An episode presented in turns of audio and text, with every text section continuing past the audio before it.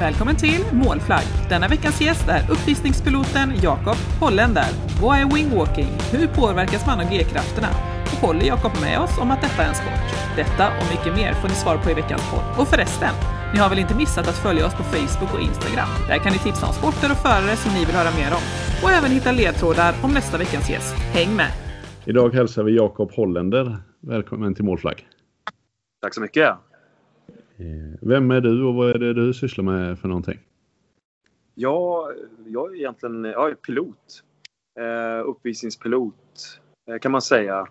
Eh, jag, är också, jag är också flygkapten och har varit på, på Norwegian fram tills coronan kom. Men eh, jag har också haft en, så att säga, en bisyssla som har blivit en ganska stor syssla där vi eh, håller på med flyguppvisning.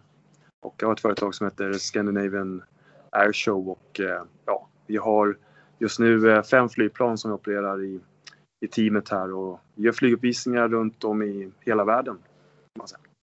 Eh, hur kommer det sig att du började med just eh, flygplan? Alltså min, min pappa, han var pilot också. Han gick bort 2003 och han startade egentligen eh, det här företaget då, Scandinavian Airshow och eh, är uppväxt med det kan man säga.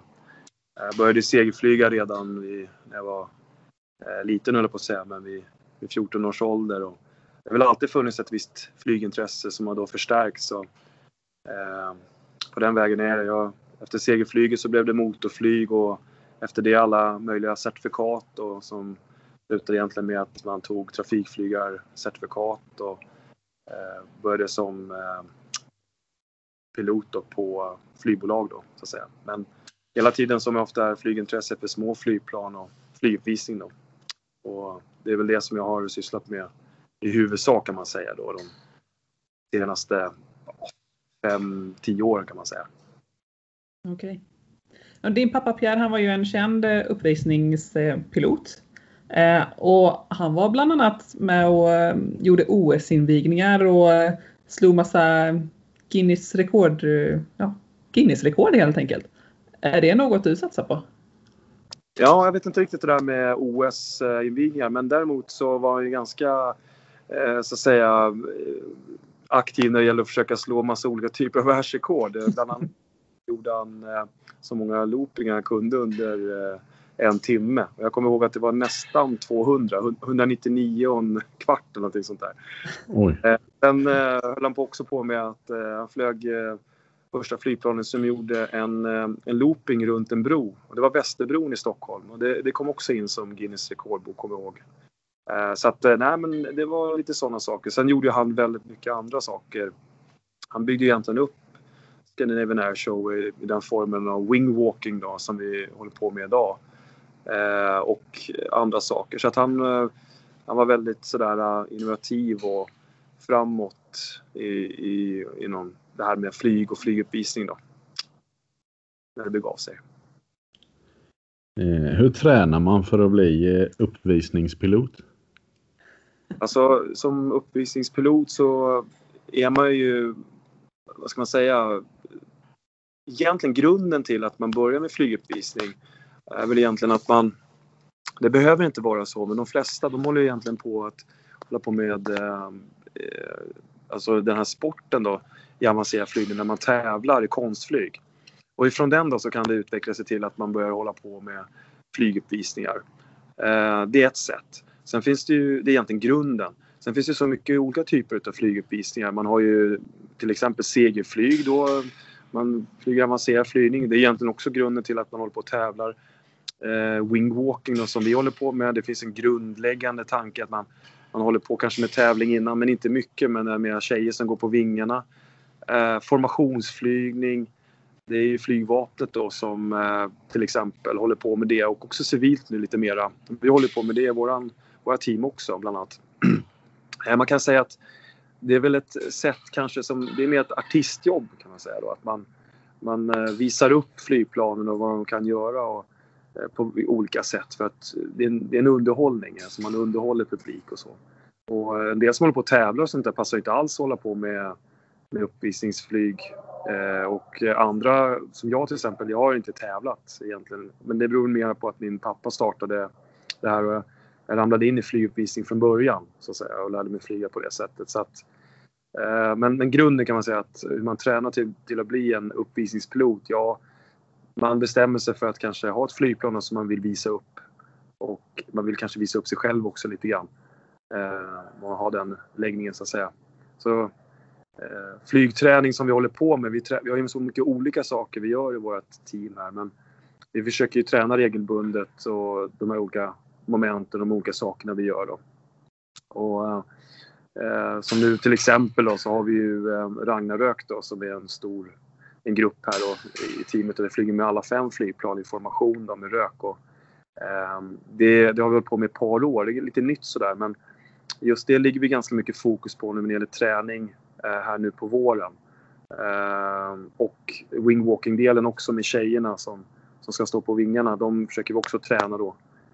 Vi är ganska inkörda, våra program är ganska, eh, nej, speciellt när det gäller wingwalking då. Och, ehm, så vi har viss träning på våren men sen så några pass och sådär. Och så men vi kommer igång ganska snabbt. Jag flyger så mycket, det är som att cykla ungefär. Och, men när det gäller själva formationsflygningen i Ragnarök, den är lite mer sådär uh, den kräver mer träning och mera koordination då och sådär. Så att det, den tränar vi mera på. Kan man säga. Just wingwalking, vad menas med det?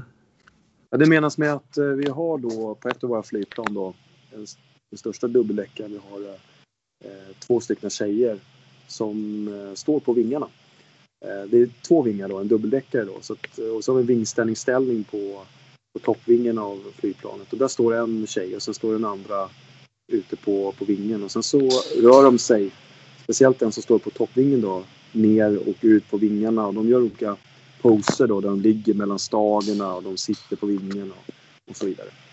Så att eh, det är eh, Eh, det är vad man kallar för wingwalking. Och det håller vi på med ganska mycket. Det är väldigt populärt ute på flyguppvisningar. Folk vill ju se det, någon som går på vingen helt När vi har denna intervjun så sitter du ju i eran hangar och tittar ut över flygplanen. Eh, vad är det för flygplan ni har där? Ja, vi har eh, alla fem flygplan här faktiskt. Och eh, om vi börjar med största flygplanet då, så den vi kör wingwalking på. Det är en, eh, den kallas för Grumman 164 Aircat. Och det är i grunden ett flygplan för besprutning från USA. Det vill säga att eh, bespruta åkrar då. Man kallar det för Agriculture and Pest Control då, Aircraft. Där man eh, sprutar då olika typer av eh, kemikalier då, flyger på låg höjd över åkrarna och, och lägger ut den här, de här olika typer av kemikalier eller gödning då. Man höll på med det i Sverige fram till, jag tror det var 70, kanske tidigt 80-tal någonstans där.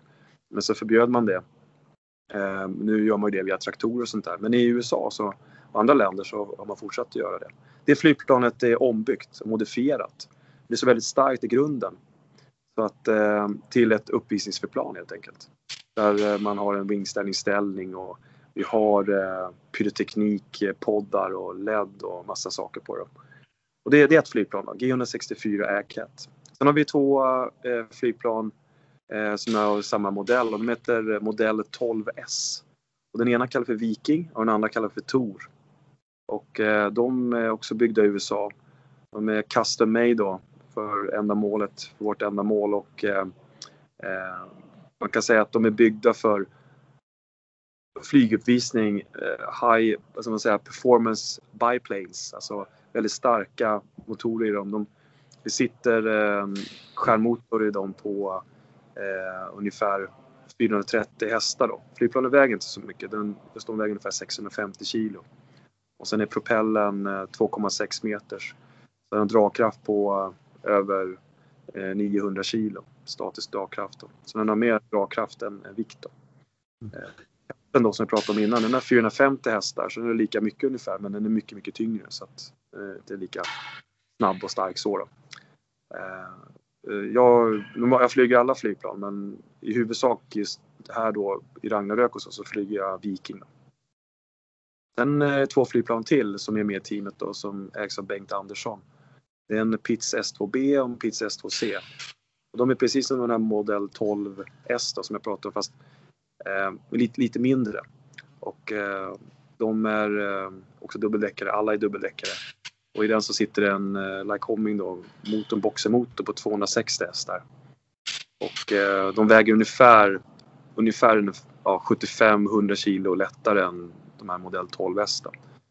Eh, men eh, ja, två sådana har vi då. Och den, den kallas för W.A.S.P. och den andra kallas för Fendry. Vi har ju lite olika namn då. Så det, blir, eh, det blir Catwalk då och sen eh, Tor, Viking, Fendry och W.A.S.P. En blandning. Mm. Det första planet du pratade om där, Aircat. Ja. Eh, det hämtade du och din pappa i eh, USA och flög hem? Ja, precis. Eh, det var faktiskt 92. Och då var det färdigbyggt där och då tog min pappa ett, ett flygplan, Saab Safir.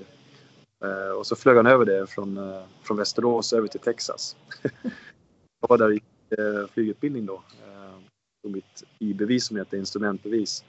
Och det var väl egentligen en anledning till jag gjorde det. Det var väl för att vi skulle kunna koordinera så jag skulle kunna flyga hem ett av flygplanen och det blev Safiren då. Eh, han flög då eh, Catwalken då som det heter nu då. Med 64 nu.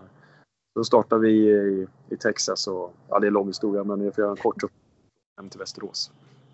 Men 92 då firar ni snart 30 år ihop. Hur känns det? Ja, exakt. Eh, märkligt faktiskt. Jag står, jag står och tittar ner på den just nu. Den ser ut sådär då. Eh, och, nej, det känns lite märkligt eh, sådär. Och, eh, det finns väl en anledning till varför vi ska stoppa in en ny radiotransponder i den.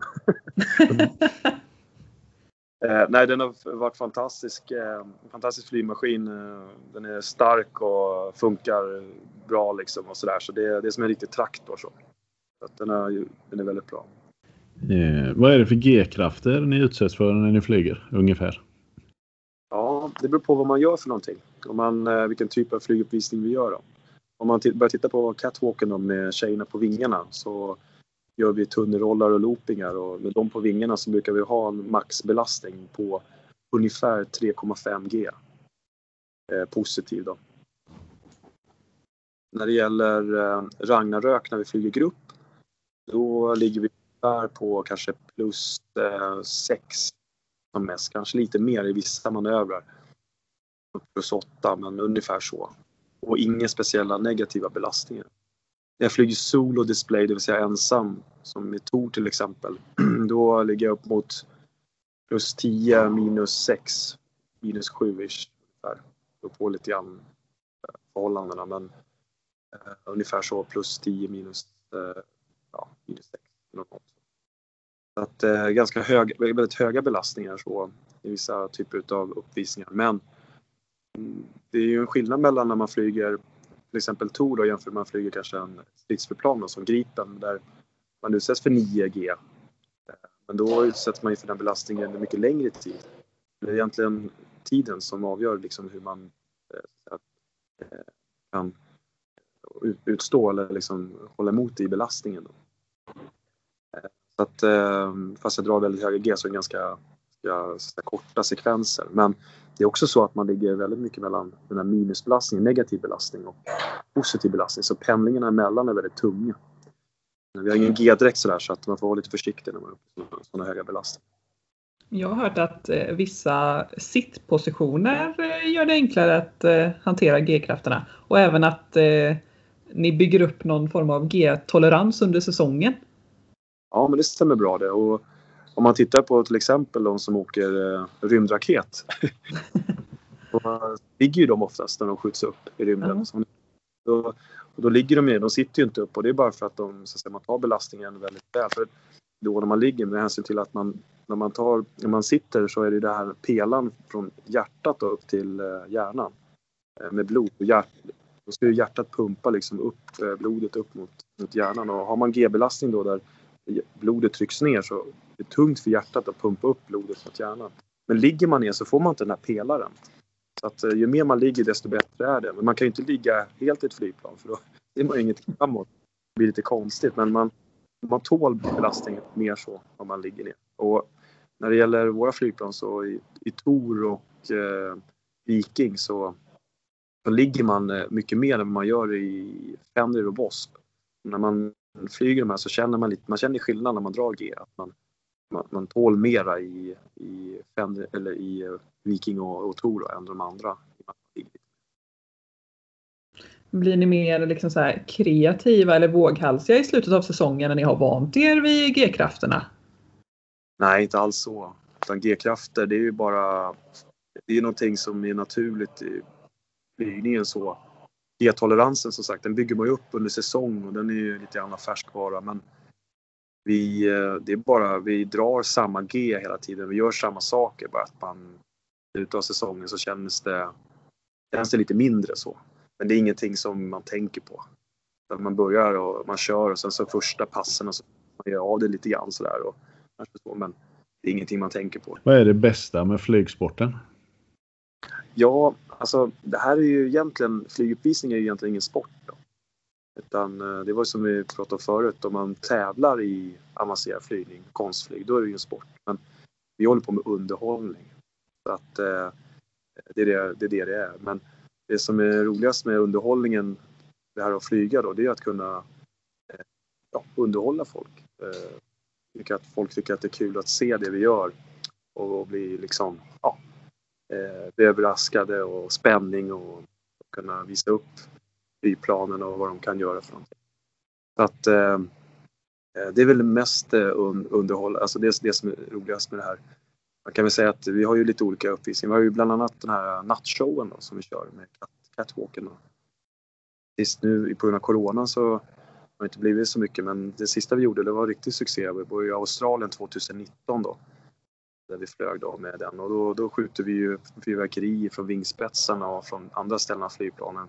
Plus att det är LED och eh, laser på flygplanet. Då flyger man när det är kolsvart ute.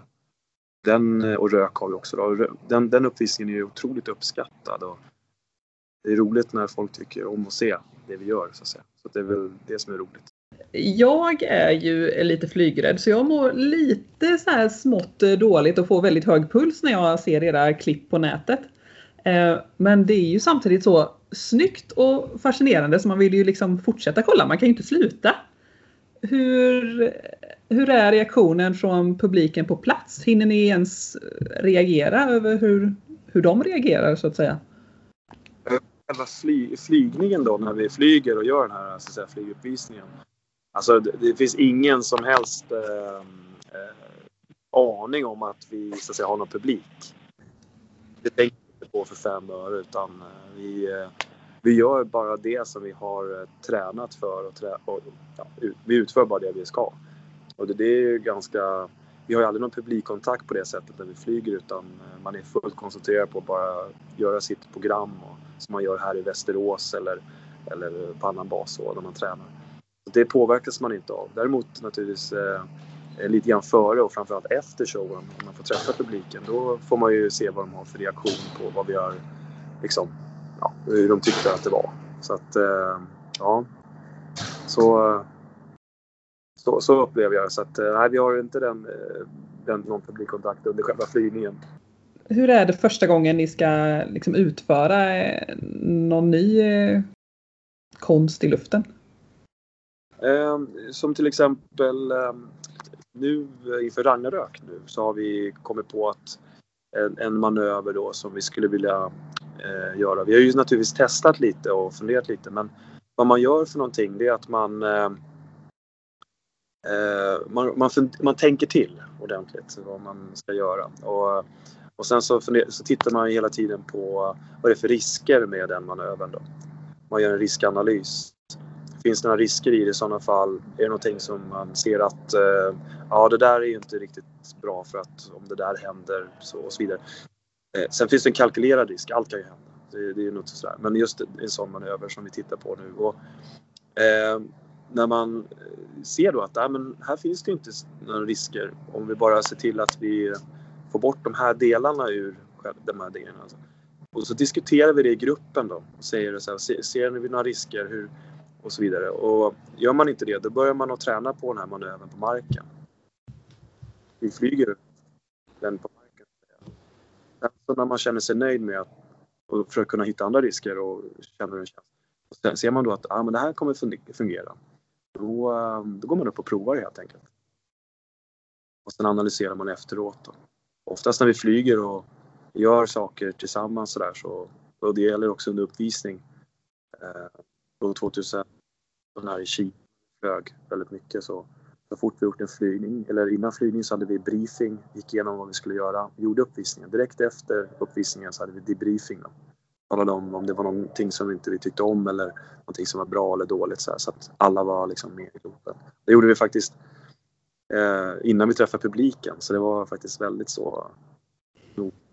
Det är viktigt, speciellt i grupp då, på den typen av eh, debriefing och briefing. Hur mycket tid lägger ni på träning? Eh, det är eh, egentligen så att säsongsmässigt så där så är ju säsongen att den drar igång på våren. Och eh, då brukar vi oftast ha en startup då liksom. Och då flyger vi i några dagar tillsammans och kommer igång då. Och eh, om man kör solo till exempel eh, då, då flyger jag ganska eh, några pass innan. Kanske 5-10 pass ungefär innan jag går iväg på show då. Ragnarök, eh, då behöver vi nog kanske en, ja, en tre pass, fyra pass innan vi går iväg. Catwalken, kanske ett par pass bara. Eh, så går vi på uppvisning liksom. Eh, vi har inte en, det är viktigt att flyguppvisningarna är så att säga eh, så pass enkla ändå så att man inte behöver lägga allt för mycket energi så det blir för svårt för att göra det säkert, så säkert som möjligt. Hur många flygtimmar har ni på ett år ungefär? Eh, ja, det är ju väldigt eh, intressant för att eh, fly, som man säger, om man säger flygtid när det gäller flyguppvisning och det kan ju gälla flygvapnet också. Eh, om man tittar på om man flyger airline till exempel, då kan man ju flyga 100 timmar i månaden. Eller 20 timmar. Jag skulle tänka mig att när vi är i Kina då gör man en flyguppvisning och då flyger man ungefär ish, kanske en uppvisning då 10 minuter. Och låt oss säga då att vi har två träningspass ungefär eh, innan och sen så har vi uppvisning då. Säg att vi har som är 10 minuter. Ja, det blir ju 50 minuter liksom i flygtid plus tre pass träning då, eller två pass. Det är ju 20 minuter eller 30 minuter. Då. Det blir bara en timme och 20 minuter och då har man spenderat kanske två veckor på ett ställe. Så det är ingen flygtid. Det är väldigt intensiv flygning liksom, hela tiden. så Korta pass. Liksom. Nej, men när ni åker runt eh, i världen så, eh, så tänker man ju att ah, ni kör flygplan. Ja, men då, då bara flyger ni liksom från ett ställe till ett annat. Men så är det ju inte. Ni packar ihop flygplanen i containrar när ni åker till ja, Kina och runt om. Ja, det stämmer. Sen får ni packa upp dem igen.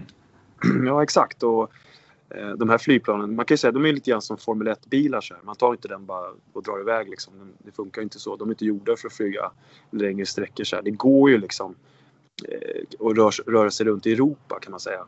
Det funkar med de här flygplanen. Men att flyga längre än så och långa sträckor, nej det, det funkar inte. Och vad vi vill också ha med oss, vi vill ha med oss reservdelar och eh, andra saker då. Eh, verktyg och sådana saker. Så att Eh, nej, så vi, vi demonterar flygplanen, plockar av vingar, stjärt, propellrar eh, och sen rullar vi in dem i containers då, och sen skickar vi iväg dem. Och eh, sen när de kommer fram så sätter vi ihop alltihopa. Så vi har eh, en huvudtekniker, min huvudtekniker Benny som åker med och sen brukar vi ha ett par stycken eh, det beror på hur många flygplan som åker iväg då men eh, när vi är fem flygplan då har vi ungefär tre tekniker totalt som åker med och skruvar dem. Och sen skruvar vi också. Jag gillar ju att skruva också. Sådär. Så att, eh, eh, vi skruvar allihopa. Eh, piloten också skruvar liksom. Och, och wingwalkersen får också vara med lite grann. så Hur många är ni när ni åker iväg? Man kan säga att på fem flygplan så är det fem piloter, tre tekniker då. Så det är ju åtta. Och sen wingwalkers då brukar, brukar vara två eller tre. Så nio, tio, elva. Sen beror på om vi har LLP, det vill säga nattshow, då har vi tre till. Så vi kan vara upp mot en 15 pers som åker ibland när det är riktigt stort. Då. åker flygplanen som är i containrar, åker de med flyg eller båt? Nej, de åker eh, båt. Det är, det är 40 fots containers så att eh, de åker båt. Så de måste åka iväg då, en, beroende på var vi ska, men låt oss säga att vi ska till eh, Kina till exempel. Då, då måste de åka ja, nästan tre månader innan show. Eh, beroende på lite grann för att det ska hinnas fram och det ska tullas in och alla de här bitarna. Så det är en, det är ganska mycket logistik i detta. Det går inte att köra Kina ena veckan och Japan nästa. Nej, precis. Så det måste vara än så. Men ni har ju även eh, de här eh, ja, wingwalkers med er i, i vissa shower. Eh, och det är ju ja, två personer som sitter på vingarna i luften som du förklarade innan. Men när jag visade min eh, treåring ett eh, klipp på detta och sa att eh, titta det sitter två personer på vingarna. Då svarade han direkt ja varför gör de det? Så jag tänker jag skickar över den frågan till dig. Varför ja, det, gör de det? Ja det kan man fråga sig. Våra wingwalkers då som det heter. Eh, vi döpte dem då till Skycats.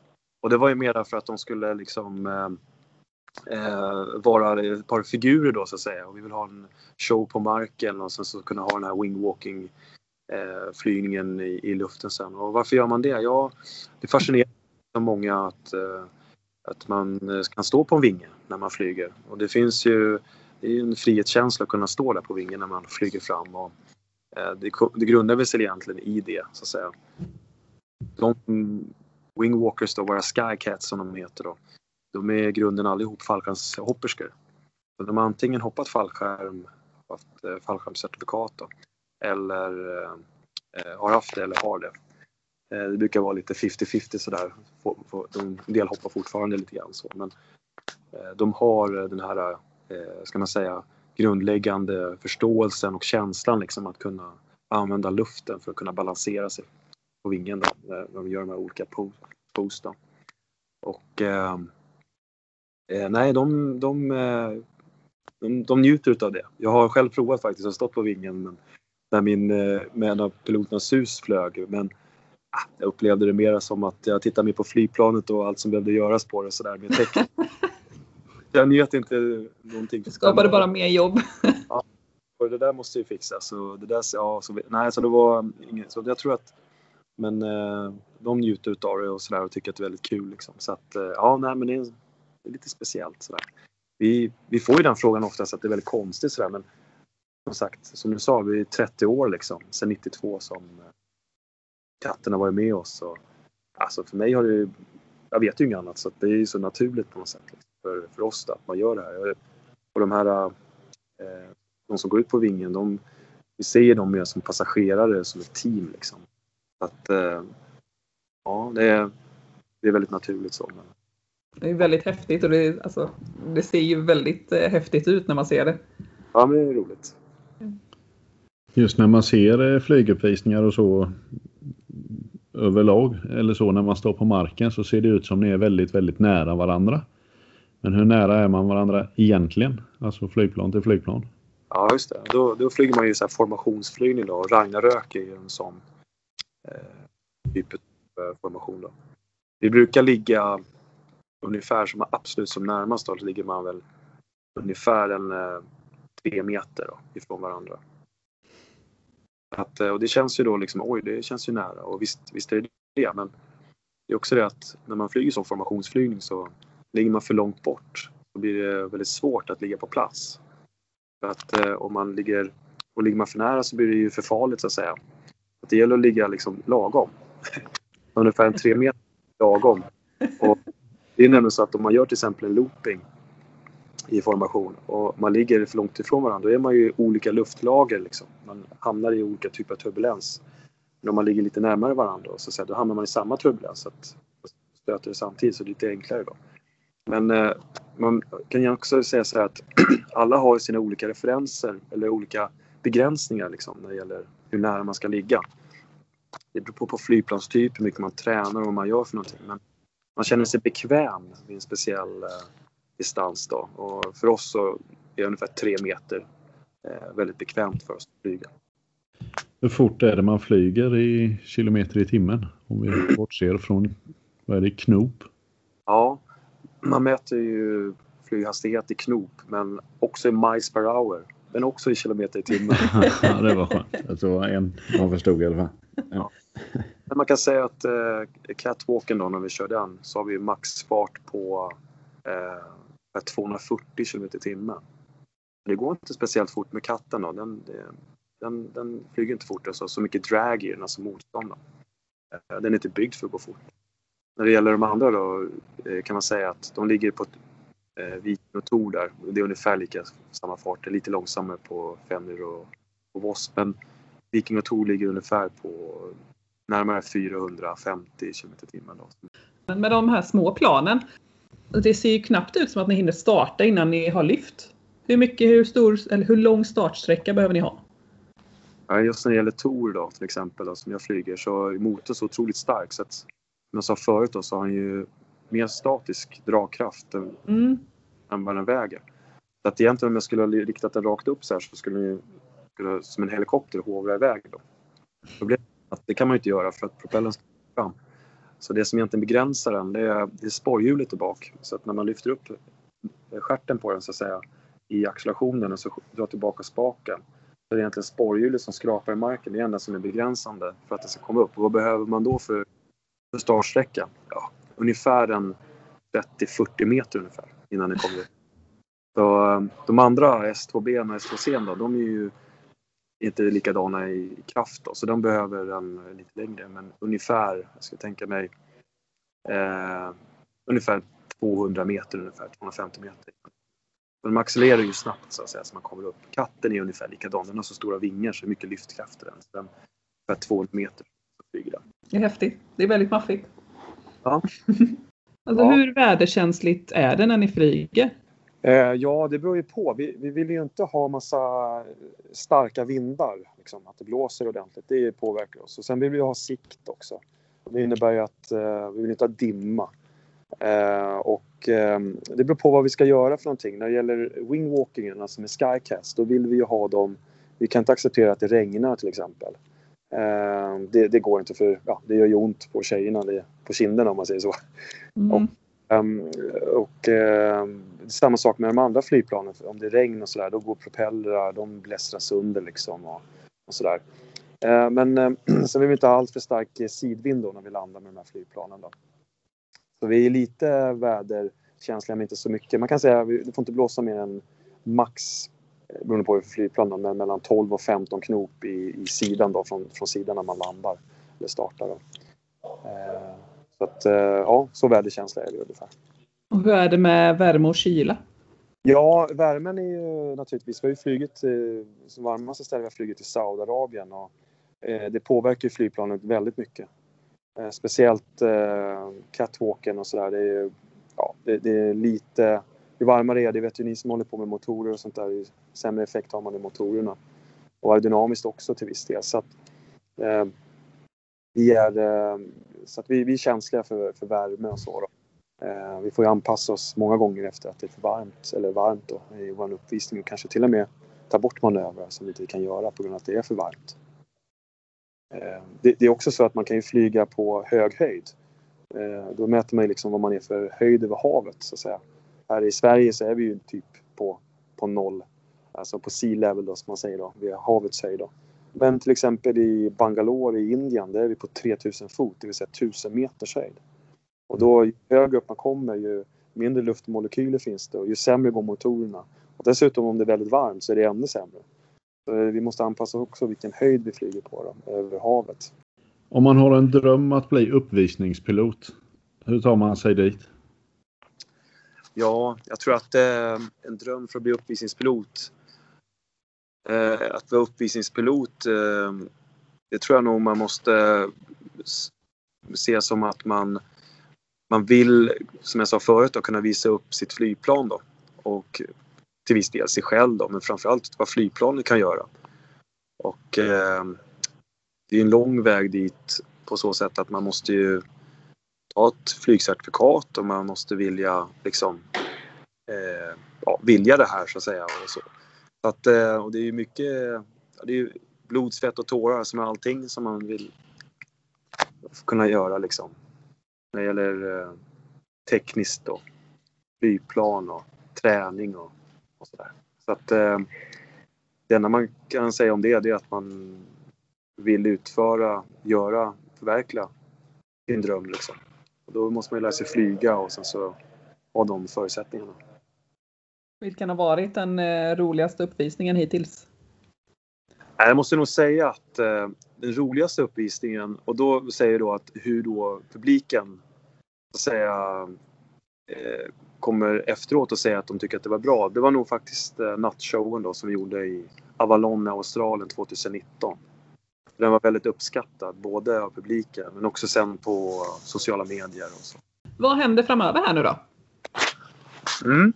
Nu är faktiskt i, eh, idag så håller vi på att sätta lite propeller på ett av flygplanen. Vi håller på att förbereda ett annat flygplan. Och tanken är imorgon att vi ska rita hjärtan över eh, Västerås med rök. Och eh, det ska vi försöka göra två gånger imorgon. Det är vad som är närmast här på skedjen. Vad det gäller sen efter det så är både våren och sommaren och hösten väldigt oklar liksom. Och det är ju naturligtvis på grund av Corona. Liksom. Vi vet ju inte än, men vi har ju fått också under Corona förfrågningar inte på internationella shower liksom. Man känner ju att alla vill komma igång, men man kan inte. Och eh, jag tror att så fort eh, vaccinet kommer och R-talet går ner och man får stabilitet och man kan få gå tillbaka till normala så har vi känsla av att, vi, eh, att det här kommer att, det kommer bli mycket shows i, i, i sommar och kanske framförallt på sensommaren. Så att eh, vad vi gör för någonting just nu, vi bara håller ordning på flygplanen tekniskt och, och sen så kör vi igång eh, sen när allting öppnar upp igen. Man kan inte göra något annat. Med de orden så tackar vi för oss. Tack så jättemycket för denna intervjun. Ja, tack så mycket själva. Tack för att du har lyssnat på Målflagg. Vi hörs igen nästa vecka.